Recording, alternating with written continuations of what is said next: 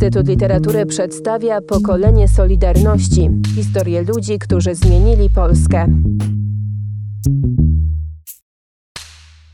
Zupełnie przypadkowo, ale naprawdę zupełnie przypadkowo dowiaduję się, że następnego dnia u wszystkich dziennikarzy będzie rewizja w domu. To znaczy tych wytypowanych. No, no to na dół do piwnicy siedzimy tam w jakiejś kupie i mówię, kumple, wszystko chować, bo będą rewizje.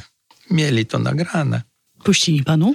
No, potem Pawluczuk mówi, mamy nagrane, co gadałeś w piwnicy. A myślę, no ładnie. I mówię kolegom potem, że słuchajcie, jest nagranie. A to pewnie ten. Ja mówię, nie mów, bo nie wiadomo kto.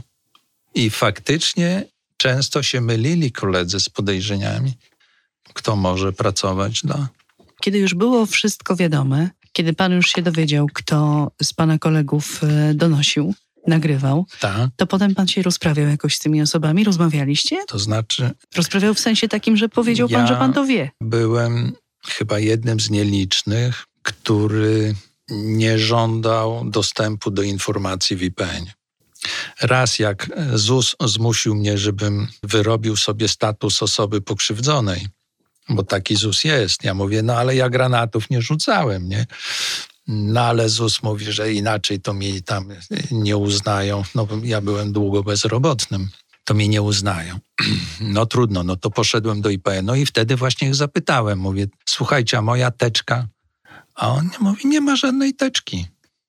A przecież widzieliśmy wszyscy w telewizji pokazywali teczka osobowa Lecha Wałęsy, nie? Nie wiem, czy oni nie chcieli, bo oni mówi, że teczki były na sprawy zakładane. No ale przecież doskonale wiem, że były personalne. Czyli zniszczone, czy przechowane? Na przykład niektóre teczki były, zostały tylko okładki.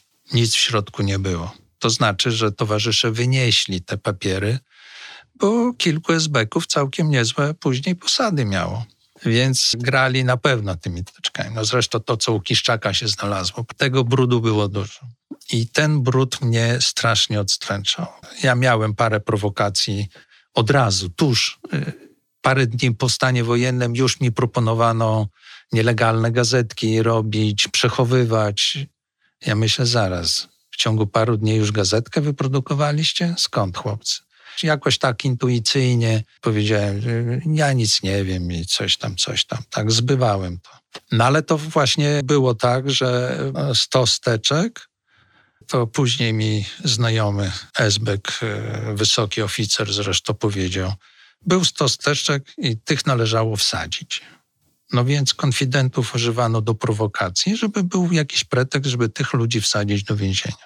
Mimo, że często, no tak jak ja, w pierwszym okresie nic nie robiłem przecież, nie? Ale nie wsadzić. No i on potem mówi, że moją teczkę przełożył na drugą kubkę. No bo no jakoś mnie specjalnie nie nękało TSB, poza tam paroma przesłuchaniami. Kolejna anegdota, no to wreszcie zwraca się do mnie Benek Bujwicki, który był Solidarność Walcząca już, bo Benek był zawsze ostrzejszy. I mówi, będziemy robić biuletyn. Ja mówię, no dobra, będziemy robić biuletyn. Mój warunek, dobra informacja z zakładów pracy. Ale informacja, Beniu. No i jedziemy na parafię świętej Jadwigi w Starosielcach. Ksiądz Stefan zaprowadził nas na poddasze, a tam stała taka ogromna maszyna do pisania z takim prawie metrowym wałkiem. A mówi, no to piszcie tutaj. No, Benek się pokręcił. Zresztą Ksiądz Stefan potem był wykazany jako TW, ale ja przypuszczam, że on biskupowi powiedział, że, że go SB namierzyło, więc SB o naszej gazetce nie wiedziało nic. To znaczy, że ksiądz, wiesz, na papierze był. No i co się dzieje? No to ja siedzę i próbuję na tej nieszczęsnej maszynie. Od razu musiałem pisać w formacie, bo to szło na powielacz. To nie było komputerów. Więc tak na maszynie musiałem pisać, żeby potem od razu można było to dać na powielacz. Czyli bez błędów, z no, zachowaniem wszystkich interlinii. Bez błędów, więc ja e, najwięcej czasu to traciłem na walkę z tym wałkiem, który szalał tam, jak się nacisnął. Piekielna maszyna w każdym bądź razie. Konspiracja wyglądała mniej więcej tak, że pisze sobie, pisze, tu raptem po godzinie wpada jeden, mówi, ty, jak idzie, jak idzie? Ja mówię, no dobrze idzie. Dobra, okej, okay, pogadali. Po godzinie następny wpada, ty, jak idzie, jak idzie? No i wreszcie mówię, no dobra Beniu, ale gdzie jest informacja z zakładów pracy? No to, co mówiłem, oni, jeden, jedyny Romek Wilk, który w stanie wojennym budował struktury, który próbował organizacyjnie to jakoś e, odbudować wszystko. Tu nie chodziło o żadną walkę z władzą, bo nie było ani sił, ani środków do tego, ale żeby, żeby te struktury funkcjonowały. Nawet nie chodziło o jakieś wielkie rzeczy, tylko właśnie o samopomoc, jakąś o organizację i tak dalej. I tutaj Romek z chwali bogami naprawdę wspaniałą robotę zrobił. No i tak to wyglądała ta konspiracja. Ja mówię, Beniu, no co, kurde, co wy harcerze jesteście, zaraz nas tu przyjadą i zwiną. Mówię, ale jak nie będzie informacji, to ja się w propagandę bawić nie będę. A bo oni mi takie teksty zaczęli przynosić, no na zasadzie lej czerwonego, nie? Ja mówię, no chłopcy, no ale propaganda mnie nie interesuje naprawdę. No bo faktycznie y, to było bez sensu. Wtedy należało wykonywać pracę w stanie wojennym organiczną. I to zresztą ta słabość wyszła w tym nieudanym strajku w 88, gdzie strajk się załamał i oni po prostu wyszli wtedy ze stoczni, prawda? No, w sumie już na szczęście to się wszystko zawaliło i udało się jakoś ten okrągły stół zrobić. No ale to właśnie brak tej pracy organicznej. No. To tutaj niestety jako Solidarność nie, nie zdaliśmy egzaminu. Jak pan patrzy z perspektywy późniejszego zawodu, bo był pan prezesem radia, pracował pan też cały czas w dziennikarstwie. Jak ocenić ten zryw, który nazwany jest Solidarnością i ten przełom, który się dokonał? Jest takie powiedzenie, że mądry Polak po szkodzie. Otóż nie, się okazuje, że właśnie tutaj trzeba oddać sprawiedliwość również ludziom po stronie partyjnej. Kania, którego przecież za to, że był miękki, to potem odsunięto przecież e, od władzy. Ci ludzie nie chcieli strzelać, bo jeszcze za Gomułki to we władzach byli ludzie, którzy przeżyli wojnę. Ludzie, którzy przeżyli wojnę, nie mieli zahamowań, żeby strzelać. Niestety, wojna deprawuje ludzi zawsze, wszystkich zwycięzców naszych. I to było zupełnie inne pokolenie, partyjne. Ja mówię o tych ludziach, którzy mieli władzę wtedy. Być może wydarzenia 70 roku w Gdańsku to była prowokacja, bo tak na to wyglądało, że jeden wezwał, żeby robotnicy wrócili do pracy, a drugi ustawił karabiny maszynowe i do tych robotników, którzy szli do pracy, zaczęli strzelać. Być może chodziło o to, żeby Gomułkę wyrzucić. Korczyński, który dowodził wtedy tam wojskiem, popełnił samobójstwo. To stary partyzan. Natomiast Jaruzelskiemu się upiekło za to, że wojsko strzelało, bo nie tylko milicja strzelała, ale i wojsko strzelało do robotników, to jakoś to ministra obrony Jaruzelskiego nie, nie tykało. Poznań, kiedy też strzelali do ludzi. I na szczęście już jak Kania był wtedy, jak Gierka obalono, to ci ludzie jakoś chyba jednak nie, nie chcieli już strzelać. I myślę, że dzięki temu udało się podpisać te porozumienia. Natomiast y, my tego nie rozstrzygniemy, czy Rosjanie chcieli wejść, czy nie chcieli. Ja myślę, że to jest jednak wszystko sprawa drugorzędna. Tu chodzi o to, że ta struktura władzy była na tyle przerażona, że to oni chcieli w Polsce. Oni chcieli opanować sytuację a mieli informacje niedobre, być może to byli prowokatorzy, tego też nie wiemy, którzy jawnie już zaczęli kombinować, już tak się poczuli silni, że oni tu będą zaraz władzę przejmować. Co było nierealne, dopóki istniał Związek Radziecki, to żadna tutaj obca, że tak powiem, władza temu pseudosocjalizmowi nie mogła się zainstalować.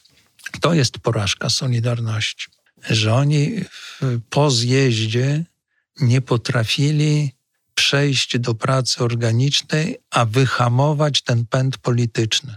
No bo postulat zmiany władzy to jest czysta polityka. A sądzę, że wtedy należało zająć się po prostu kupiectwem. Związek miał ogromne pieniądze. 10 milionów ludzi płaciło składki. Związek był niesamowicie bogaty.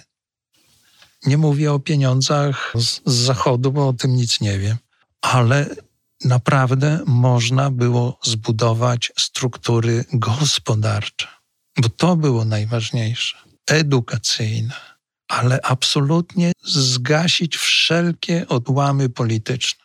Ja wiem, że to łatwo się mówi, ale to była jedyna realna droga do naprawdę sensownego działania. I tego niestety zabrakło. Ciągle tylko wrzaski, ja, ja tu uważam. Wstaje idiota, za którym nic nie ma. Nawet wiedzy nie ma.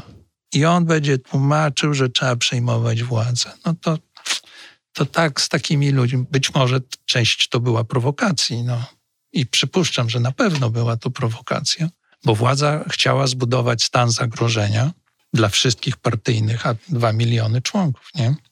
To te rodziny i to wszystko to żyło w pewnym strachu, że przyjdą i będą rżnąć albo będą wieszać. Tak esbecja pracowała na to. Jakieś krzyżyki niby tam stawiali gdzieś i tak dalej. Ale to wszystko służyło, żeby zbudować stan zagrożenia, żeby mieć pełną zwartość obozu władzy i żeby to spacyfikować Solidarność. No i niestety tutaj Solidarność jak gdyby sama się podkładała. No, z drugiej strony zabrakło wyobraźni, jak budować te struktury gospodarcze, jak inwestować, jak budować. U nas wszystko się niestety rozbijało o personalia, o charaktery. Nie wypracowali jakiegoś takiego, może nie zdążyli, ale genialne jest to, że się udało wtedy w sierpniu i tu ludzie pokazali charakter. Genialne to, że nie doszło do rozlewu krwi. To jest absolutny sukces Polaków. Potem niestety doszło do tego stanu wojennego, ale tu przypuszczam, że to, to jest absolutnie inicjatywa obozu władzy w Polsce. To, to jednoznacznie. Teraz ujawniają kolejne tam jakieś moskiewskie stenogramy. Rosja, Rosja wtedy była w równie kiepskiej położeniu gospodarczym, jak i my. My byliśmy bankrutem, bo Jaruzelski oficjalnie zawiesił spłatę zadłużenia zagranicznego, natomiast Związek Radziecki ledwo zipał. Rosjanie wiedzieli, że jak wkroczą, to będą sankcje, nie dostaną zboża, no i może być duży kłopot. A wiedzieli, że na tyle w Polsce wojsko i milicja są silne, że sobie same poradzą. Także przypuszczam, że oczywiście oddział KGB był w Polsce i czuwał i przygotowywał stan wojenny, natomiast ocenili, że sami sobie z tym poradzimy. No i niestety własnymi rękoma. Ale tak jak mówię, no, pretekst niestety ciągle Solidarność dawała poprzez nieodpowiedzialnych ludzi, dawała preteksty jakieś tam różne, które oczywiście były śmieszne. No. Pretekst to jest pretekst. Pokolenie Solidarności. Cykl podcastów przygotowanych przez Instytut Literatury w Krakowie.